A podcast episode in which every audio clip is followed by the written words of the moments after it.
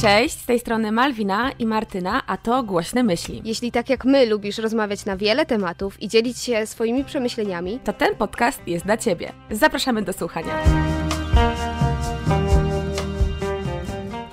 Czy za dzieciaka mieliście tak, że kiedy mieliście występować publicznie, na przykład wygłosić jakiś wiersz na apelu, czuliście ogromny lęk?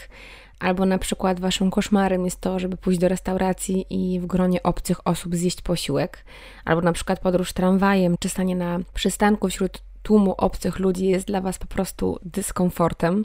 A może nie lubicie po prostu poznawać nowych ludzi, czujecie się niekomfortowo, czujecie, że to po prostu jest sprzeczne jakoś z wami. Jeżeli tak, no to witajcie w moim świecie, bo ja również tak mam. Jest to chyba nasz wspólny świat, który nazywa się fobią społeczną. Chociaż wiadomo, nie każdy z tego typu objawów będzie oznaczał, że macie fobię społeczną, bo też generalizować w taki sposób to raczej bardzo krzywdzące dla niektórych osób.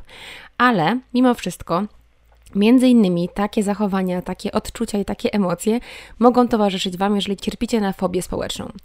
U mnie, no faktycznie tak jest i mam zdiagnozowaną fobię społeczną, ale na szczęście nie jest ona tak bardzo drastyczna, jak to wyglądało kiedyś. Bardzo dobrze sobie teraz z tym radzę, takie mam wrażenie. Dlatego postanowiłam w ogóle ten odcinek nagrać. Nie chcę absolutnie tym odcinkiem nikogo wystraszyć, ani nie chcę wprowadzić Was w jakiś taki dyskomfort czy poczucie, że może z Wami jest coś nie tak. Wręcz przeciwnie, może trochę znormalizować w ogóle to zaburzenie, jakim jest fobia, społeczna, dlatego że da się z nią żyć, da się ją jakoś w jakiś sposób okiełznać i nawet leczyć. E, O tym oczywiście Wam dzisiaj opowiem, ale chcąc ogólnie bardzo szybko przeskoczyć przez ten taki etap mówienia o naukowych sprawach, po prostu sobie mm, zdefiniujmy, czym w ogóle to jest, czym w ogóle jest fobia społeczna. Fobia społeczna to jeden z rodzajów zaburzeń lękowych w postaci właśnie fobii, które należą do szerszej kategorii zaburzeń psychicznych, określonych jako zaburzenia nerwicowe związane ze stresem i pod postacią somatyczną. No nie jest to teoretycznie choroba, jest to bardziej zaburzenie.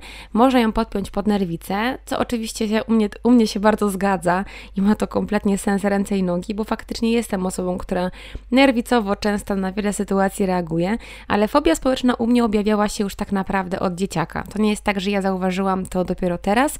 Ja zauważyłam, że mam problem ogólnie z obcowaniem z ludźmi od małego. I to moja mama nawet już wielokrotnie mi powtarzała, że kiedy byłam mała, ja nie byłam typem dziecka, które lgnęło do ludzi. Wiecie, są takie dzieciaki, które po prostu bardzo chętnie poznają nowe osoby, zaczepiają obce osoby na ulicy, uśmiechają się, śmieją się, gaworzą i tak dalej. Ja byłam dzieckiem, które miało permanentną mamozę i tatozę, czyli nie chciałam się w ogóle od rodziców odklejać. Raczej traktowałam ludzi jako zbędny czynnik w moim życiu i dopiero tak w okresie podstawówki Bardziej gdzieś tam starałam się zawiązywać przyjaźnie i wychodzić z taką inicjatywą. Uczyłam się tego, żeby żyć po prostu w społeczeństwie tak bardziej normalnie, a nie bazując na jakichś fobiach czy jakichś takich moich lękach, które pojawiały się w głowie.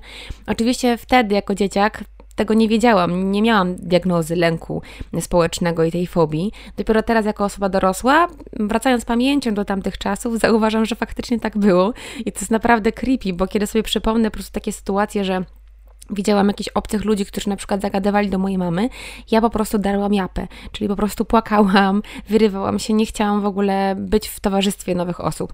Moja mama mówiła, że wielokrotnie najadła się wstydu, bo na przykład mieliśmy na ulicy jakiegoś pana z brodą i ja od razu zaczynałam płakać, bo bałam się, że ten pan do nas zagada. Albo na przykład jak widziałam jakieś panie w chustkach, to ja miałam urojone, że to są właśnie jakieś baby jagi, które chcą po prostu mnie w jakiś sposób, nie wiem, porwać, coś mi zrobić i momentalnie płacz. Miałam na przykład bardzo taką przykrą, mam wrażenie, teraz tak z perspektywy czasu, sytuację, tak ją oceniam. E, Moja prababcia, przecudowna, przekochana kobieta, e, Marysia. Mam w ogóle po niej moje drugie imię i prawie, prawie przejęłam jako pierwsza, ale moi rodzice zmienili zdanie. Jestem Martyna Maria, ale moja prababcia Marysia, która była fantastyczną kobietą, która no po prostu mogła być wzorem moim zdaniem dla kobiet, która przeżyła wiele, była niesamowita, ale jednak kiedy ja ją poznałam, e, kiedy byłam malutka, no to ona już była bardzo taką, no staruszką, była blisko dziewięćdziesiątki, wiecie, dziewięćdziesięcioletnie kobiety mm, jeszcze w tych czasach, w latach dziewięćdziesiątych, też zupełnie inaczej wyglądały niż teraz babcie. Wiem, że doskonale wiecie o czym mówię i ja po prostu mojej prababci się bałam. Bałam się i to nie była jakby jedyna kobieta, ale ogólnie starsze kobiety były dla mnie bardzo takie, że się ich bałam. E, Bałam się też mężczyzn, którzy mieli brody właśnie, bałam się ogólnie też też nastolatków, nie wiedziałam dlaczego. To było tak, że ja po prostu jak tylko miałam poznać nową osobę nawet w rodzinie, wiedziałam, że to jest, gdzieś tam tłumaczono mi, że to są, to są dobre osoby które chcą mnie poznać i tak dalej, ja wpadałam po prostu w histerię. I myślę, że też dużym błędem w mojej rodzinie było to, że mnie zmuszano do tego, że idź, przytul się z babcią, e, idź, nie wiem, porozmawiaj, idź podziękuj, pocałuj, daj się pogłaskać, wiecie o co chodzi. To były takie zachowania, które ja teraz z perspektywy czasu widzę, że nie były ok dla mnie. One gdzieś tam trochę przekraczały moją granicę komfortu i wydaje mi się, że każdy ma jakąś taką granicę. Są dzieci, które kochają się przytulać, Poznaję teraz jako osoba dorosła wiele takich dzieci, które są faktycznie bardziej otwarte, które zagadują i tak dalej, a są dzieciaki, które totalnie jakby nope, nie dotykaj, nie patrz na mnie, w ogóle nie oddychaj tym samym powietrzem. Ja byłam między innymi takim dzieciakiem. I owszem, wtedy myślę, że to jeszcze nie była typowo fobia społeczna, bardziej po prostu byłam takim dzieckiem nieśmiałym, które nie lubiło nawiązywać nowych relacji, ale z czasem, kiedy jestem już teraz osobą dorosłą, widzę, że to się mogło rozwinąć w tę fobię społeczną, która objawa się różnorako.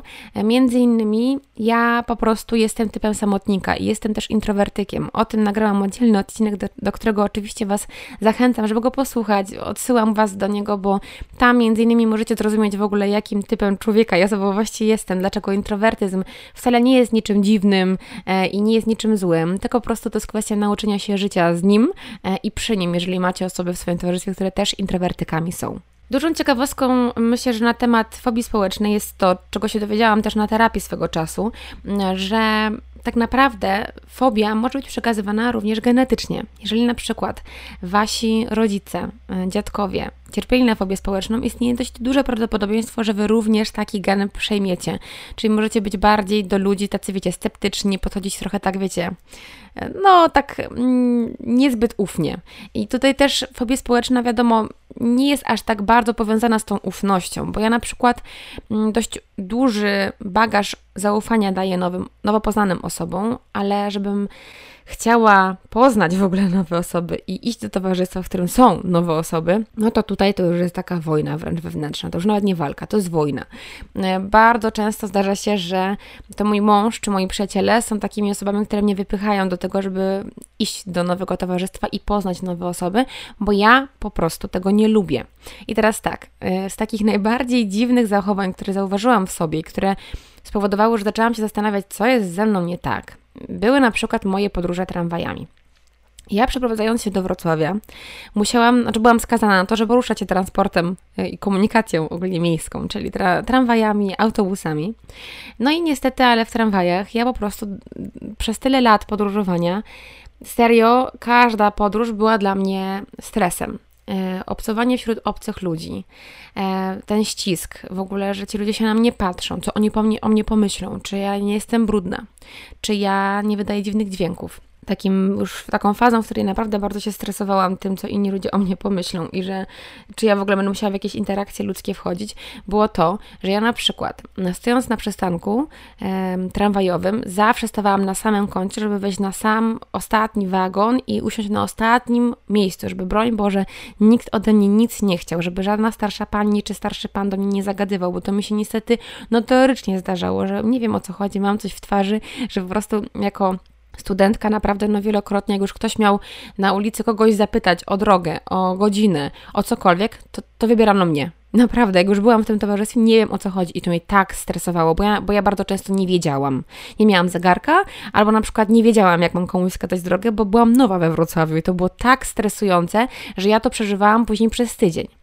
A drugą taką sytuacją, która bardzo mi się często powtarzała i kiedy mówię o niej moim bliskim osobom, to myślę, że to jest naprawdę dziwne, to jest to, że ja nie wychodziłam z domu bez słuchawek. Ja musiałam mieć muzykę, ja nie potrafiłam iść w ciszy, słuchać miasta, słuchać ludzi. Nope, to w ogóle było, nadal tak mam, że było to dla mnie bardzo, bardzo trudne, ale taką sytuacją bardzo specyficzną było to, że kiedy wsiadałam do tramwaju, wsiada, już siadałam, usiadłam już, spocona po prostu strasznie ze stresu, czy ja się nie potknę wsiadając do tramwaju, czy ktoś mnie nie wyśmieje, czy ktoś o coś mnie zapyta, czy komuś, czegoś, nie wiem, nie popchnę kogoś. No wiecie, to masa różnych myśli. Kiedy siadałam już na miejscu w tramwaju, miałam słuchawki w uszach, słuchałam muzyki i nagle miałam taką potrzebę, że ja musiałam co, nie wiem, minutę wyciągać słuchawki z uszu i słuchać, czy ja na przykład zbyt głośno nie przełykam śliny.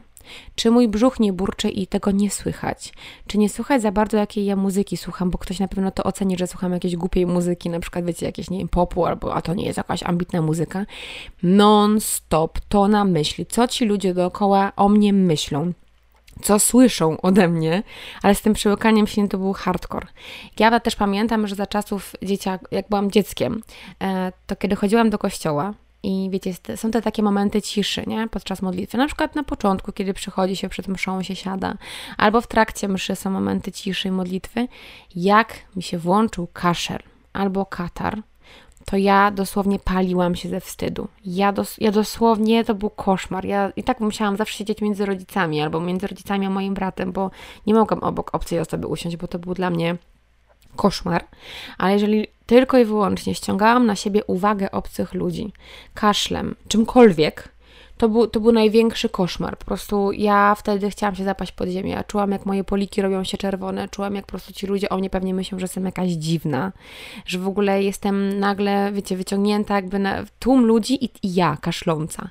Coś strasznego. Ja po prostu jak wychodziłam, wracałam do domu, to ja później to przeżywałam, te, te sytuacje parokrotnie w mojej głowie. Wymyślałam, co ci ludzie o mnie myśleli, co ci ludzie widzieli. Wiecie, no to, to, to po prostu był koszmar, naprawdę. I to tak bardzo męczyło mój mózg, że ja spędzałam masę czasu na takim zbędnym rozkminianiu, co ktoś pomyślał.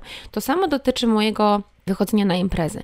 Ja jestem osobą, która, mimo że jest introwertykiem i mam fobię społeczną, to kiedy już wychodzę do towarzystwa, to ja włączam w sobie taką osobowość bardzo mocno ekstrawertyczną. Staram się przynajmniej. To jest gdzieś tam moja maska, którą nakładam i nauczyłam się z nią obcować. I to jest po prostu moja metoda, która działa, która, no wiadomo, no męczy mnie, przebodźcowuje, ale jakby działa, więc sobie jej używam, bo wiem, że obcowanie z innymi ludźmi jest mi potrzebne do szczęścia i ja po prostu muszę jako osoba która po prostu ma takie, a nie inne zaburzenia psychiczne, muszę przebywać z ludźmi, bo to po prostu dobrze mi robi. Po prostu tak jest, nauczyłam się tego, wiem to. I kiedy wychodzę do towarzystwa i powiedzmy jest impreza i ja ogólnie mam też taką osobowość, którą, myślę, że mogę tak o sobie powiedzieć, że jestem osobą lubianą, czyli ja, ja ogólnie jestem bardzo taka tolerancyjna, otwarta, staram się po prostu z ludźmi, dla ludzi być po prostu bardzo miła i po prostu daję każdemu szansę, więc zdarza się, że po prostu te osoby też odzajaniają takie pozytywne uczucia względem mnie.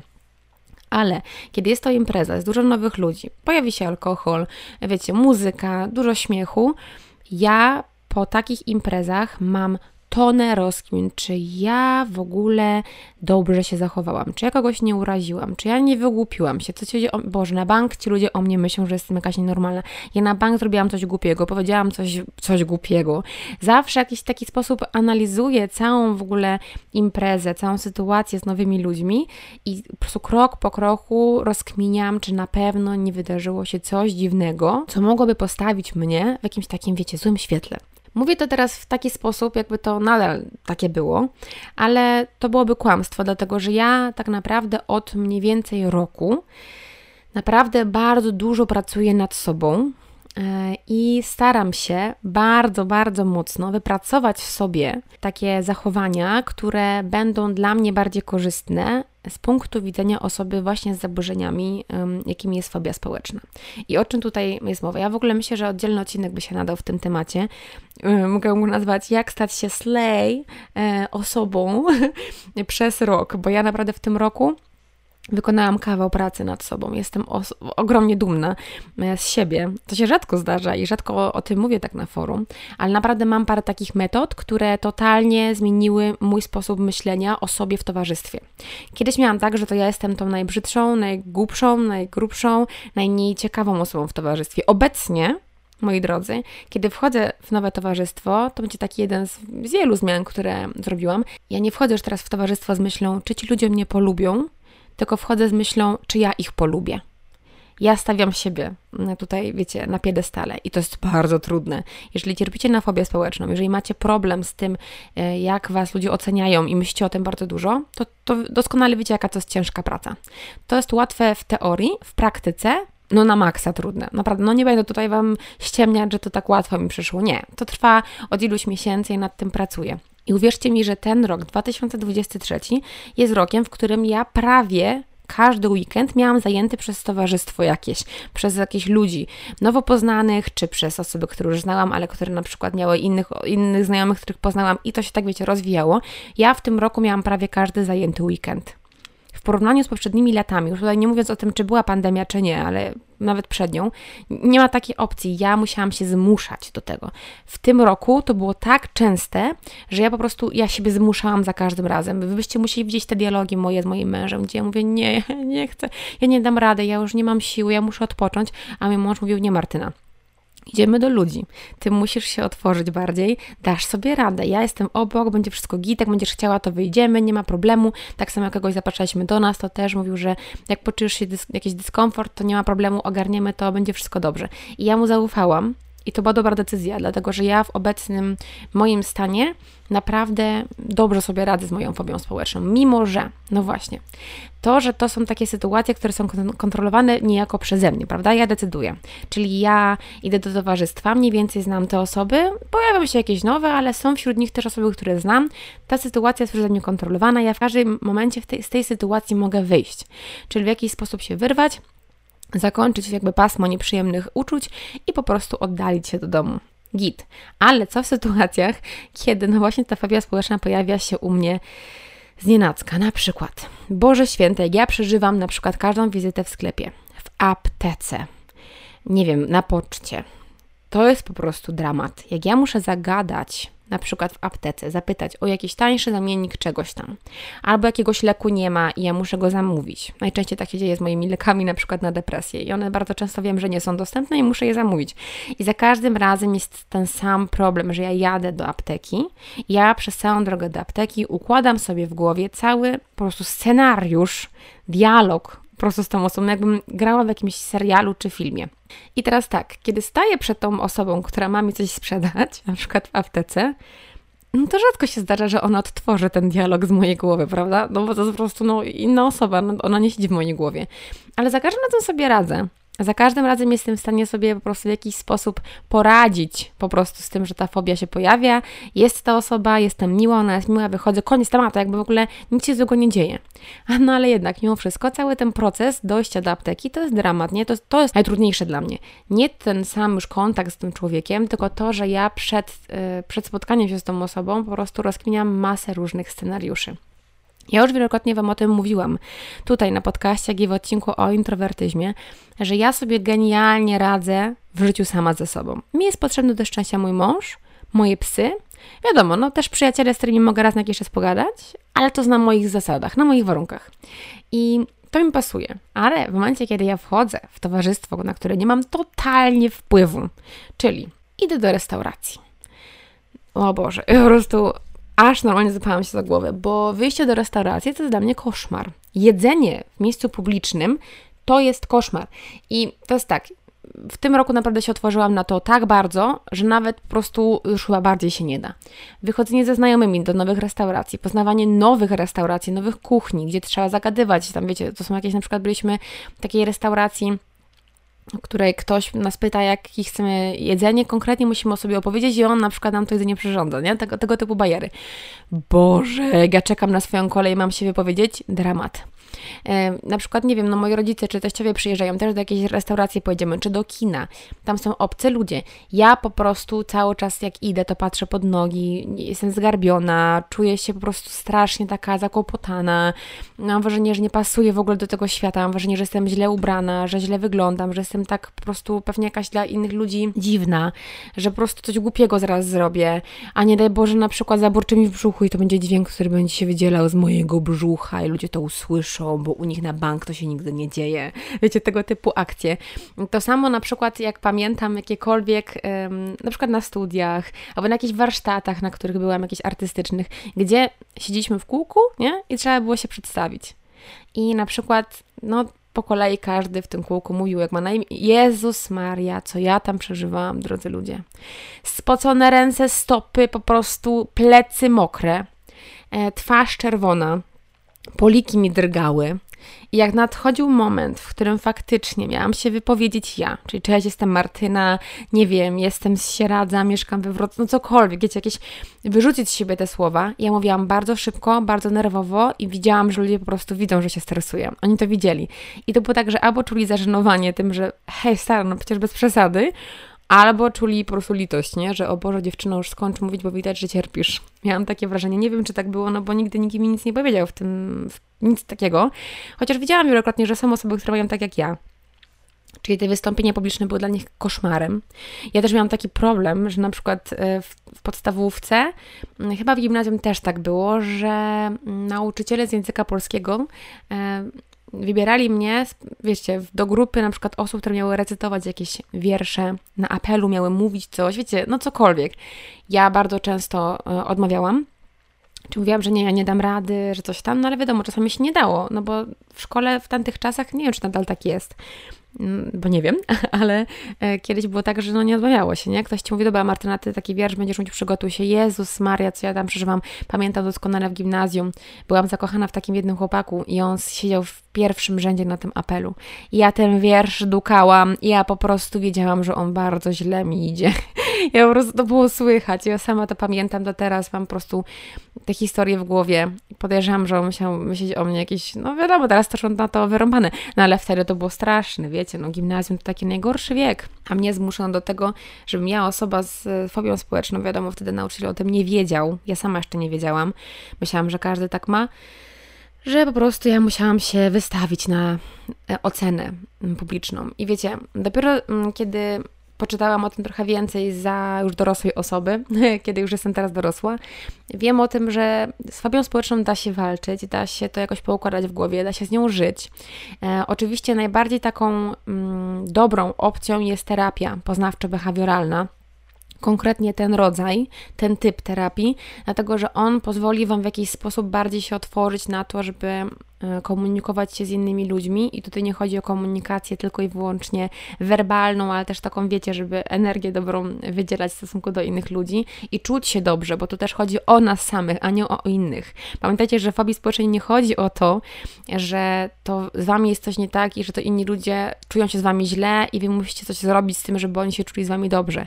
To, to chodzi o totalnie jakby odwrotną sytuację, że to Wy musicie poczuć się dobrze ze sobą w danym towarzystwie, żeby dobrze przeżyć dany czas, bo tak naprawdę w większości sytuacji, jak nie we wszystkich, istnieje prawdopodobieństwo właśnie, że ludzie w ogóle nie widzą w Was stresu. Na przykład jak ja mówię moim znajomym albo osobom, które już teraz bliżej znam, a poznawałam jakiś czas temu, że ja mam fobię społeczną i że się boję ludzi, to oni mówią, to jest niemożliwe Martyna, przecież Ty jesteś taka otwarta, bardzo żywiołowa, energiczna, spontaniczna, że przecież non-stop się śmiejesz, że żartami rzucasz, że jakby jesteś otwarta na w ogóle każdą opcję imprezy, że wiecie, jestem taką osobą, jak, jak był taki film Yes Man z Jimmy Carreyem, to ja jestem właśnie Yes Woman.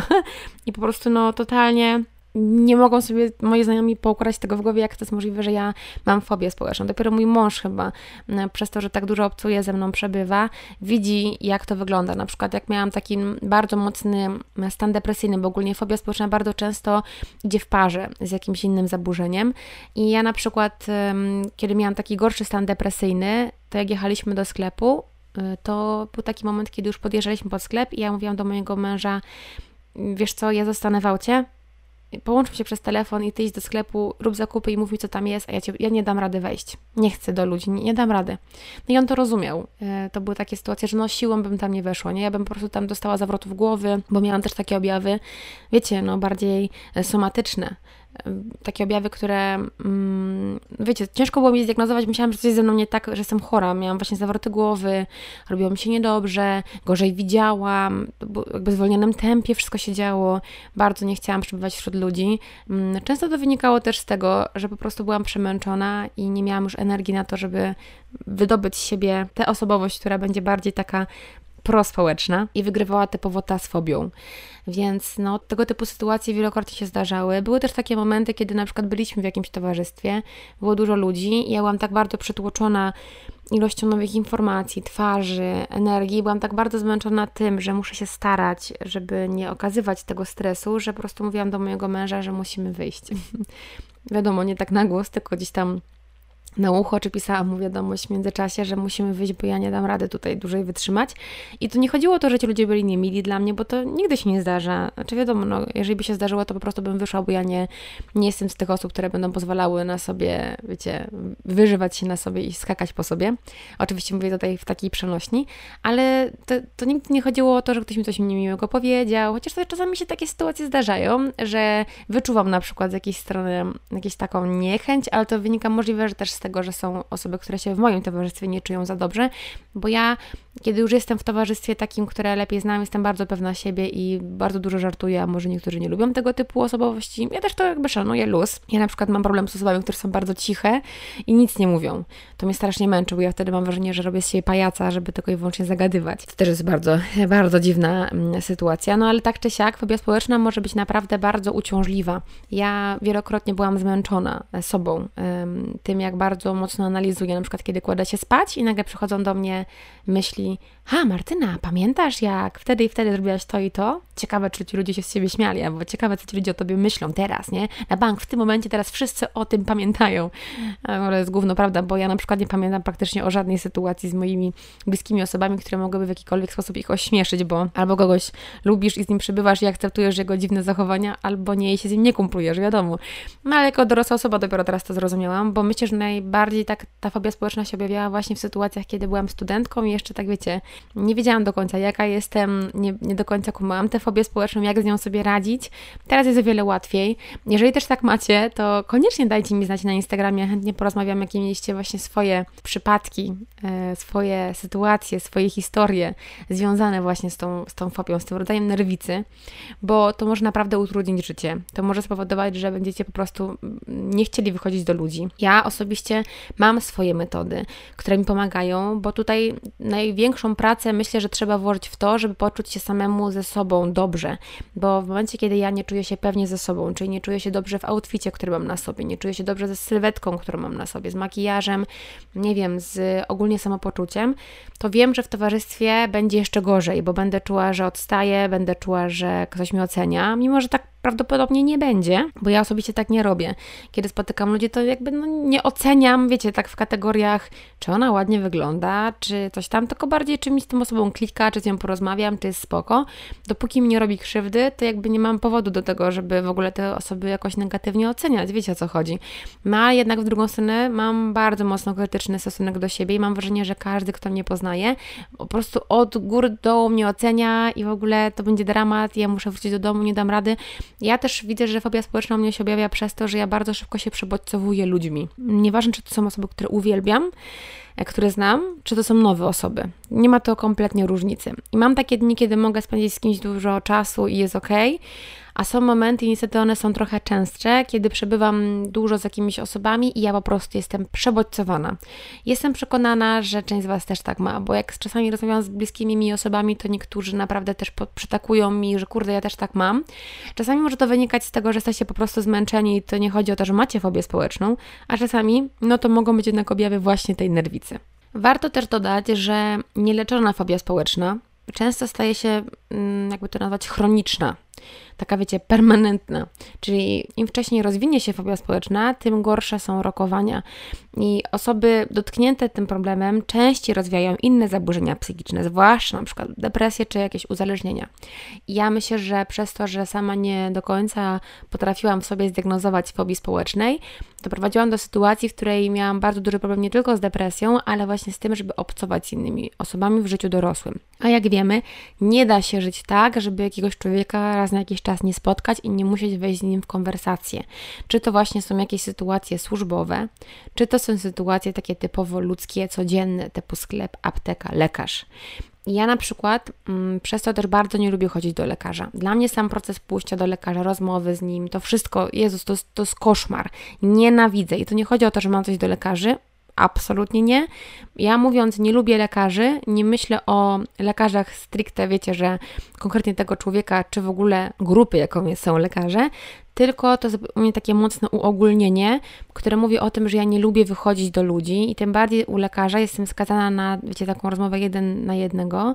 Mam takie, na przykład ja mam też tak z psychiatrą, że jak wiem, że mam iść na konsultację do mojej psychiatry, będzie godzinna rozmowa, co tam u mnie, ja już mam po prostu dramat w głowie. Boję się, że na przykład nie przekażę odpowiednio dużo informacji takich ważnych, że może coś źle przekażę, albo na przykład nie wiem, że źle się zaprezentuję, że źle będę wyglądała, że się ośmieszę.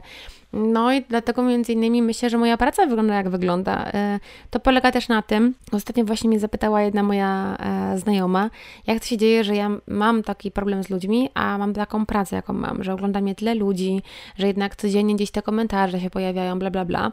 No tak, jakby rozwiązanie jest takie, że po prostu ja wiem, że ja tych ludzi nie widzę. Czyli ja tak naprawdę czasami mam wrażenie, że pracuję na zasadzie, że myślę sobie, że ci ludzie tak naprawdę nie istnieją, że jakby to jest moja metoda. Wiem, że może Wam się to wydawać dziwne i jak to w ogóle jest możliwe, ale ja w taki sposób funkcjonuję, że dopóki tych ludzi nie spotykam na żywo, to jest wszystko ok.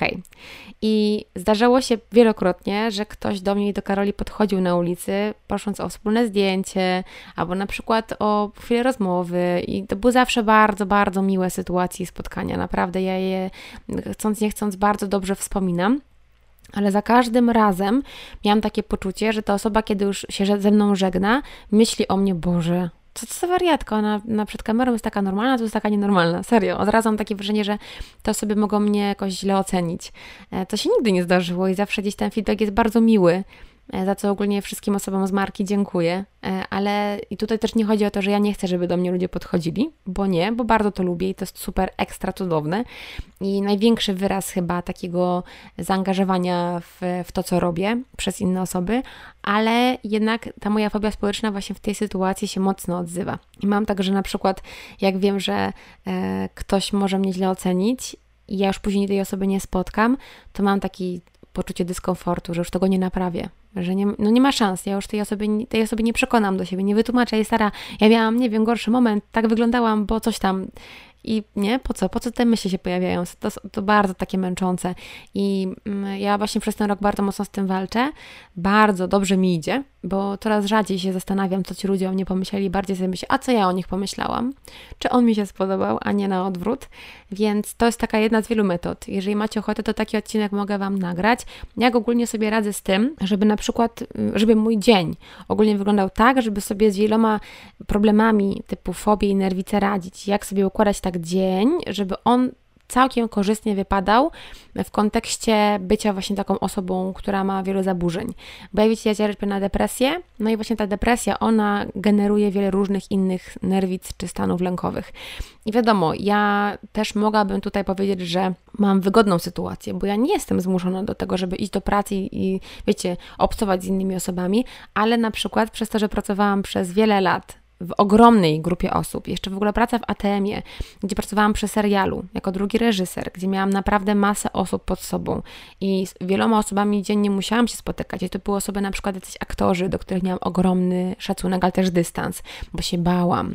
Gdzie naprawdę no, to była to była masakra. Jak na przykład miałam pracę ze statystami, gdzie miałam pod sobą na przykład dziennie 50 osób, które musiałam w jakiś sposób nimi zagospodarować drugi plan podczas sceny. To sobie wyobraźcie, co ja przeżywałam poznając 50 nowych osób. Już później to było ok, bo później już znałam imiona, wszystko był git, ale wyobraźcie sobie, co ja przeżywałam, kiedy miałam stanąć przed nimi i nie raz to było osoby ode mnie starsze i miałam im mówić, co mają robić, ustawiać wszystko, żeby to było, to było taka odpowiedzialność, że masakra. I jeszcze do tego aktorzy aktorzy, których musiałam przygotować do, do pracy na planie, sprawdzić, czy znają tekst, tutaj sprawdzić, czy wszystko się zgadza z outfitem, z makijażem, fruzerami, bla, bla, bla.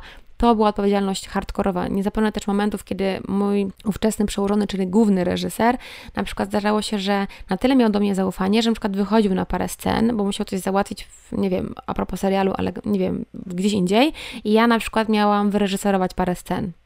Czy wy sobie wyobrażacie, co ja musiałam tam przeżywać? Czy wy sobie to wyobrażacie, co się działo, kiedy ja przez mikrofon musiałam mówić i to rozbrzmiewał mój głos na całą halę i wiedziałam, że to słyszą aktorzy, cała ekipa i tak dalej? No to, to był po prostu koszmar. Więc takie sytuacje po prostu od siebie odcięłam, rzuciłam tę pracę. Moja praca obecna powoduje, że aż tak często ludzi nowych nie poznaję, chociaż no ja też unikam bardzo eventów My swego czasu chodziłyśmy z Karlą na różne eventy, poznawałyśmy nowe osoby, nie czułam się tam komfortowo i nie wynikało to z tego, że ci ludzie są dziwni, nie, nie, nie. To wynikało z tego, że ja po prostu nie czułam się w towarzystwie nowych osób dobrze. Ja miałam z tym problem, e, zawsze wszyscy byli dla mnie bardzo mili. No wiadomo, zdarzyły się wyjątki, ale o tym wolę nie mówić, bo po co nam kolejne dramy, ale no wiadomo, zawsze w każdym towarzystwie, jakiejś grupie konkretnej społecznej są dziwne osoby, nie? Okej, okay? umówmy się, jestem przekonana, że Wy też to przeżywacie z osobami, które poznajecie w, w swoim gronie, e, czy na przykład w pracy. E, ale na przykład obecnie nie wyobrażam sobie, żeby pójść do pracy, do korporacji, albo na przykład pracować z dużą grupą ludzi. Wiem, jak bardzo mnie to męczyło, wiem, jak bardzo mnie to eksploatowało i wiem, jak bardzo musiałam pracować nad tym, żeby później się z tego otrząsnąć. I po raz kolejny powtórzę, to jest mój problem, nie tych ludzi. No i to jest tej fobii najgorsze, że fobia podpowiada wam i kłamie, po prostu kłamie. Fobie bardzo często i nerwice po prostu kłamią, nasuwają wam scenariusze w głowie, które nigdy się nie wydarzyły i nie wydarzą, myśli, które dane osoby mogą mieć w swojej głowie, ale przecież skąd masz to wiedzieć, nie? Skąd twoja nerwica i fobia to, i fobia to wiedzą, że ta osoba tak o tej pomyślała. No nie wiedzą, no kłamie i tyle, ale tak czy siak praca, jaką trzeba włożyć w to, żeby z taką fobią powalczyć, to jest naprawdę spora. ja wiem, ile włożyłam w to pracy, wiem, ile dała mi też terapia, ale najwięcej jednak zrobiłam sama, sama ze sobą.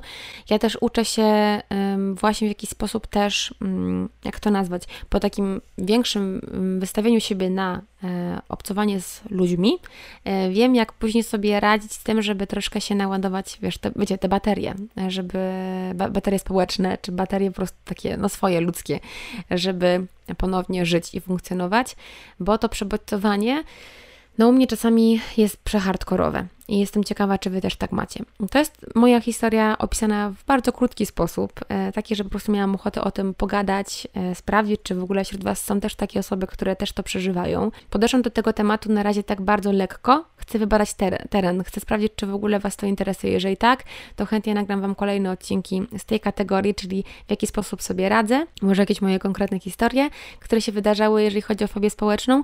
No i mam nadzieję, że ogólnie ten odcinek był dla Was przyjemny. Będę ogromnie wdzięczna wdzięczna, jeżeli ocenicie nasz podcast, bo to po prostu powoduje, że nasz podcast właśnie trafia do większego grona ludzi, a bardzo chciałybyśmy trafiać do jeszcze większego grona ludzi. Patrzcie, co ja teraz właśnie mówię, co? Osoba z społeczną, fobią społeczną chce trafiać do większego grona ludzi. No niesamowite. To paradoks, ale jednocześnie no, gdzieś tam w tym wszystkim jest jakaś, jakiś sens. E, mam nadzieję, że zrozumieliście mój przekaz w tym odcinku.